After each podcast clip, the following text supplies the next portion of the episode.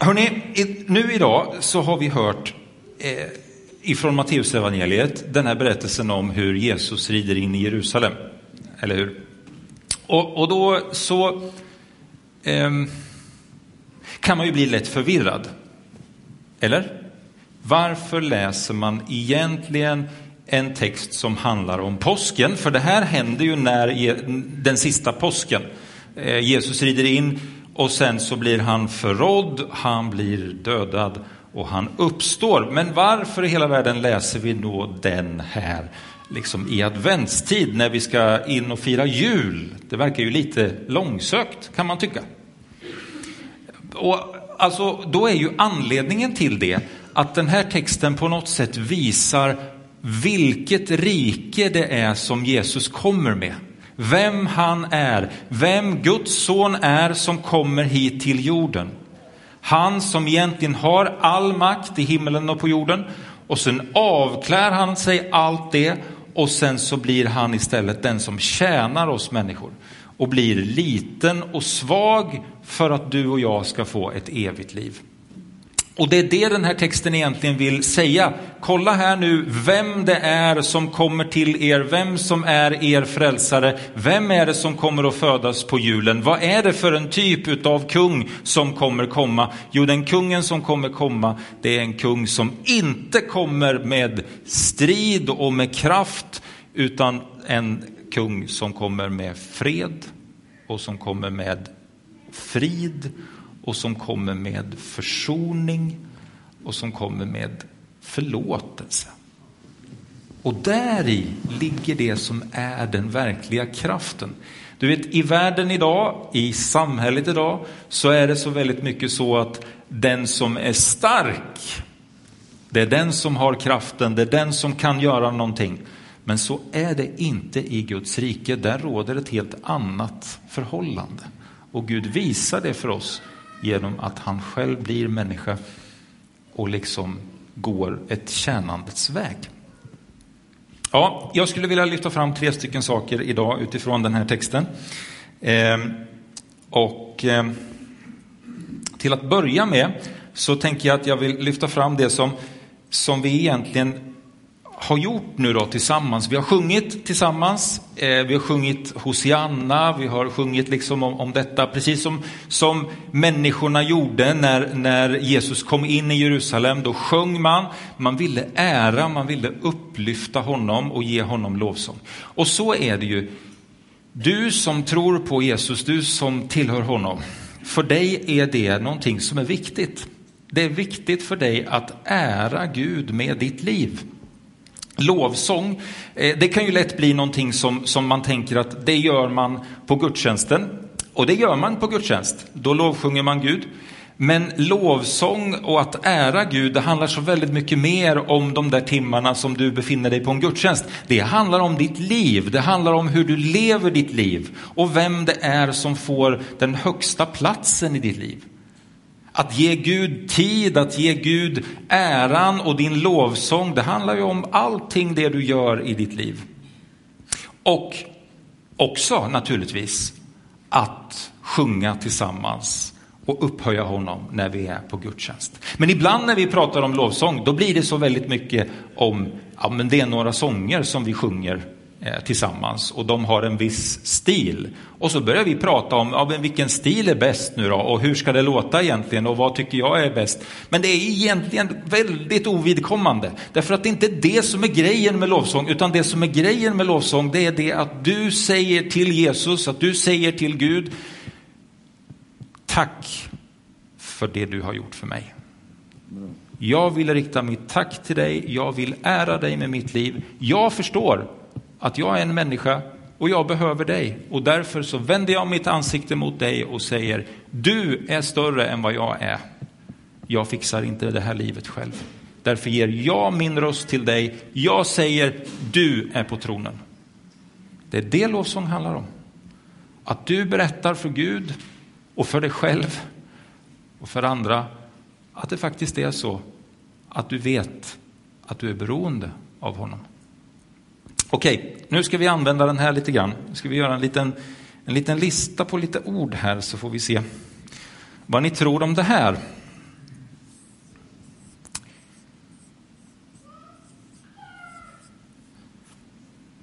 Amen. Det känns bra. Här är jag inte säker på att alla kommer vara med mig. Och det är kanske inte alla heller som vet vad det är för någonting. Ja, Nu ska vi se här. Man ska ju komma ihåg också vad det var man skulle skriva. Ehm. Jag ska byta. Oj, jag hoppas att ni ser. Men här har jag en lista på massa ord. Och då kan man fundera på vad är det där för lista egentligen? Om ni inte ser så står det glass högst upp. Sen står det Arsenal. Arsenal i det här fallet då, det är ju ett fotbollslag. Ja. Eh, och, och sen står det träning, musik, tjänst, arbete, vänner, familj. Och så står det Jesus längst ner. Vad kan det här vara för någonting? Det är en lista i fel ordning. Ja, det är en lista i fel ordning, helt rätt. Men vems lista är det? Det är min lista. Det stämmer väldigt bra. För det är så här att glass, va? Det tycker jag är det allra bästa man kan äta här på jorden nästan. Det, jag tycker att det är fantastiskt bra. Men det är klart att jag behöver ju inte glass för att leva mitt liv. Så, så är det ju. Det, det, men, men jag tycker väldigt mycket om det. Ja. Och sen är det då det här med fotbollen och Arsenal. Just nu så är det väldigt roligt, för, för, det går väldigt bra. det går väldigt bra för Arsenal och det har det inte gjort på tider. Så därför är jag ganska glad. Jag tittar gärna på Arsenal och deras matcher. Och, och, du som inte är intresserad av fotboll, du tycker ju att vad lägger du tid på det för? Men jag tycker att det är ganska roligt faktiskt. Det är avkopplande för mig, speciellt när de vinner. Eh, annars är det inte så roligt. Träning, jo, det är någonting som är eh, lite mer viktigt för mig faktiskt än vad Arsenal är och glass är. Träning behöver jag göra därför att jag mår inte riktigt bra om jag inte tränar. Så jag behöver ha med mig träningen i livet. Så är det. Sen kommer det här med musik. Musik är ju någonting som har funnits med mig egentligen från det att jag var liten och hela vägen. Det har betytt någonting för mig, jag spelar en del och det är viktigt för mig. Ehm, ja, ja, det är en del, alltså jag kan inte riktigt ta bort det, utan det är, någon, det är en del utav mig. Så.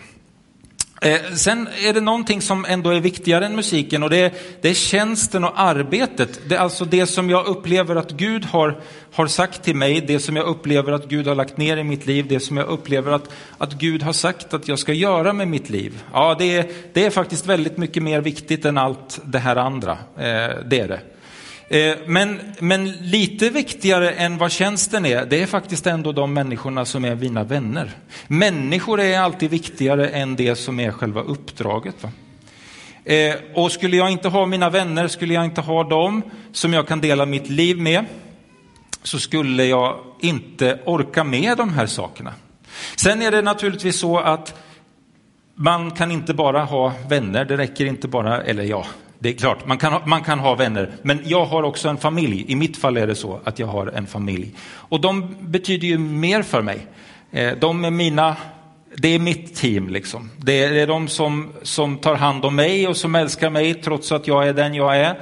Och jag älskar dem trots att de är de de är. Ja, och de, vi hör ihop liksom. Det är otroligt viktigt för mig.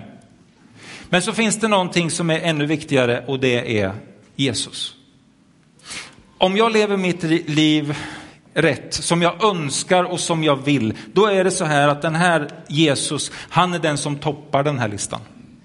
Han är den som är viktigast för mig, han är den som jag ger mest tid, mest uppmärksamhet, mest utav mitt liv, mest utav mitt engagemang. Utan honom så, så funkar ingenting utav det övriga. Men alla de här sakerna kan faktiskt bli avgudar de kan ta mer tid än vad det tar för Jesus i mitt liv. Ja, alltså glass är väl kanske svårt att få som en avgud, men, men eh, det kanske går om man jobbar på det. Men, men, men alltså alla de här sakerna kan faktiskt ta väldigt mycket tid och väldigt mycket uppmärksamhet i mitt liv. Frågan är ju hur din lista ser ut. Den ser ju inte ut så här, utan den ser ju annorlunda ut. Men frågan är, vad har du på din lista? Vad har du som är viktigt i ditt, ditt liv? Vad är det som du ger din ära med ditt liv? Vad är det som du böjer dig under och ger dig, ger dig till så att säga? Och det kan vara massa olika saker. Det som är det vi behöver jobba på, det är ju att Jesus alltid behöver vara på topp. Han behöver alltid vara den som får mest av din uppmärksamhet, mest av ditt engagemang, mest av ditt liv. Och om det är så att Jesus får mest av ditt liv så kommer det också hjälpa dig. Det betyder någonting. Ja, fundera på det. Hur ser din lista ut egentligen? Eh, en annan sak som jag funderar på i den här berättelsen, det är ju det, det här som Jesus ber de här lärjungarna om att göra. De ska gå iväg och hämta en åsna. Lite otippat, tror jag. Jag tror att de undrar vad i hela världen ska vi med den åsnan till och varför ska vi hämta den egentligen? Och hur ska det där egentligen gå till? Alltså, här ska vi gå och låna en åsna. Det känns ju som att vi tar någonting som inte är vårat. Och säger ju Jesus till dem att ja, men säg bara att det är, det är Herren som behöver den så kommer allting gå bra. Ja, och det är ju tryggt att veta då. Eh, men, men jag funderar över detta. Ibland är det så här att Jesus ber oss om någonting. Jesus kanske ber dig om någonting. Och ibland så kan det vara så här att man upplever att det som Jesus ber mig om, är det verkligen någonting som är värt att jag lägger tid och engagemang på? Är det inte så att det skulle kunna vara någon annan som gör det där som Jesus har bett mig om? Jag är ju fullt upptagen med massa andra grejer. Jag tänker att de här lärjungarna nog hade känslan av att men hallå, det är fullt med folk. Liksom. Vi, vi, är ändå, vi är ändå de som är närmast dig Jesus. Vi är ändå dina lärjungar. Vi har följt dig liksom nu här i, i tre år. Och, och, det är ju fullt med andra människor här runt omkring oss som faktiskt följer dig. Eh, och så kan du inte be någon annan att göra detta. En liten åsna liksom. Det kan väl vem som helst fixa fram.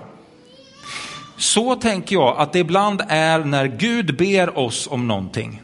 Att vi tänker så här att, ja, men alltså, vad är det för vits med det här egentligen? Varför ska jag göra det här? Är det inte så att någon annan kan göra det?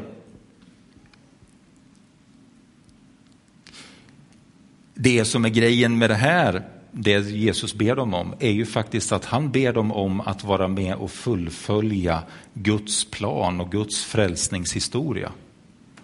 Det han säger till de här två, det är ju egentligen inte gå och hämta en åsna, utan det han säger till dem, det är ju egentligen så här, hej, hallå, jag vill att du ska vara en del utav den stora plan som jag har för att rädda den här världen.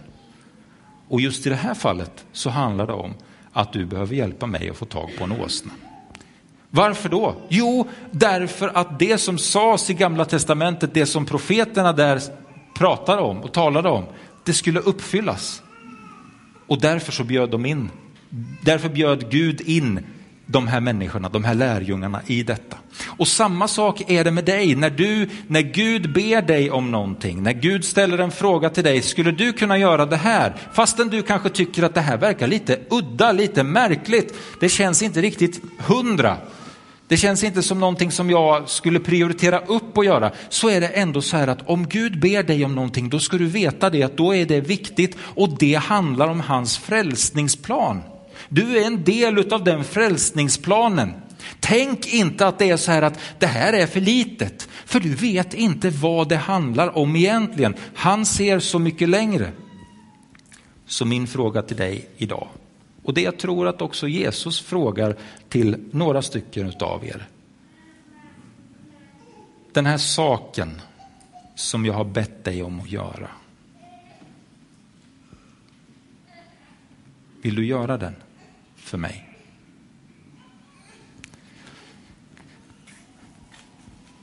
Och så nästa, den tredje punkten.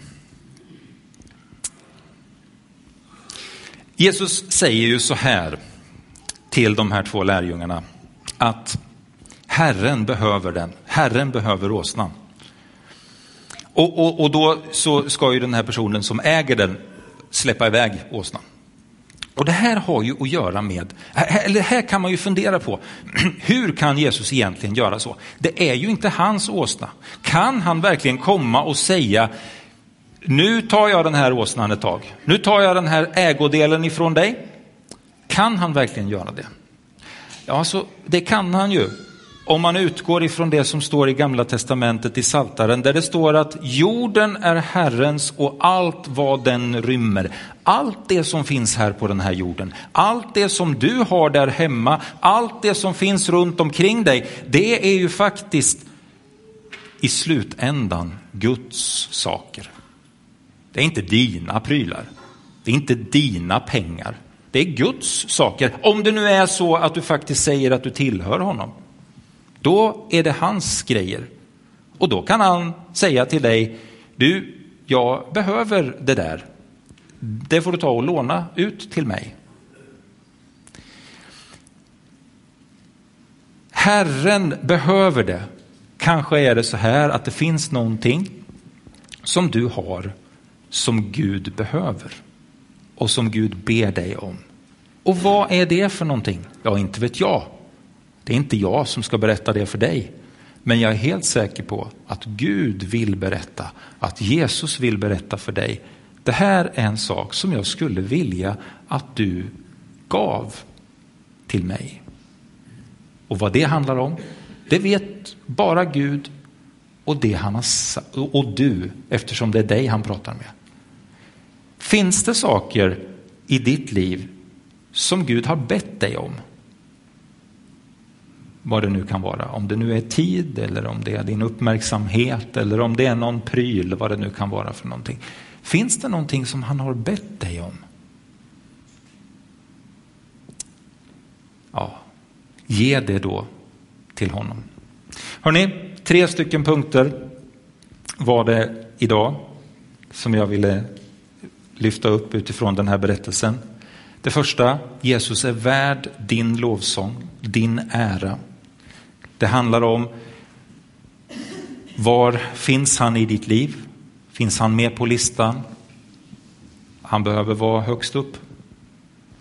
Eh, om han är högst upp, då kommer andra saker att fungera så mycket bättre. Det kommer på rätt plats i livet. Han är värd din ära. Ingen annan är värd din ära, men han är värd din ära. Det är den första saken. Den andra saken, det är Kanske är det så att Jesus ber dig göra någonting. Följ det. Även ifall det tycks vara en liten sak så kan det vara en viktig sak. Tänk då inte, det kan lika gärna någon annan göra, eller varför skulle jag göra det? Tänk då istället, okej, okay, det var det här som han bad mig om, då gör jag det. Och sen den tredje saken. Allt som finns här allt som är ditt, det är Herrens. Finns det någonting som Herren ber dig om? Finns det någon sak som Herren ber dig om? Finns det någon, någon, någonting som du ska ge till honom? Jag ska be kören komma upp och så ska vi be en bön tillsammans. Och efter att kören har sjungit en sång så efter kören har sjungit en sång så kommer det finnas möjlighet till, till förbön också. Herre, jag ber dig om att, att vi ska få prioritera rätt i våra liv. Ber dig om, Herre Jesus, att listan som vi har i våra liv ska få vara rättvänd. Tack Herre Jesus för att du inte säger att vi vi inte kan få tycka om saker. Men du vill vara högst upp på listan. Och jag ber om att det ska få vara så i våra liv. Att du är högst upp på den listan. Hjälp oss att leva så. Jag ber dig Herre Jesus om att vi ska vara villiga när du ber oss om någonting. Och jag ber dig Herre Jesus om att det som är vårt, det som vi tänker är vårat, att vi ska få ha ett öppet hjärta med det och ge det till dig när du ber om det. Tack Herre för att du välsignar och du bevarar alla som är här inne. Och du vill någonting med oss alla Herre. I Jesu namn. Amen.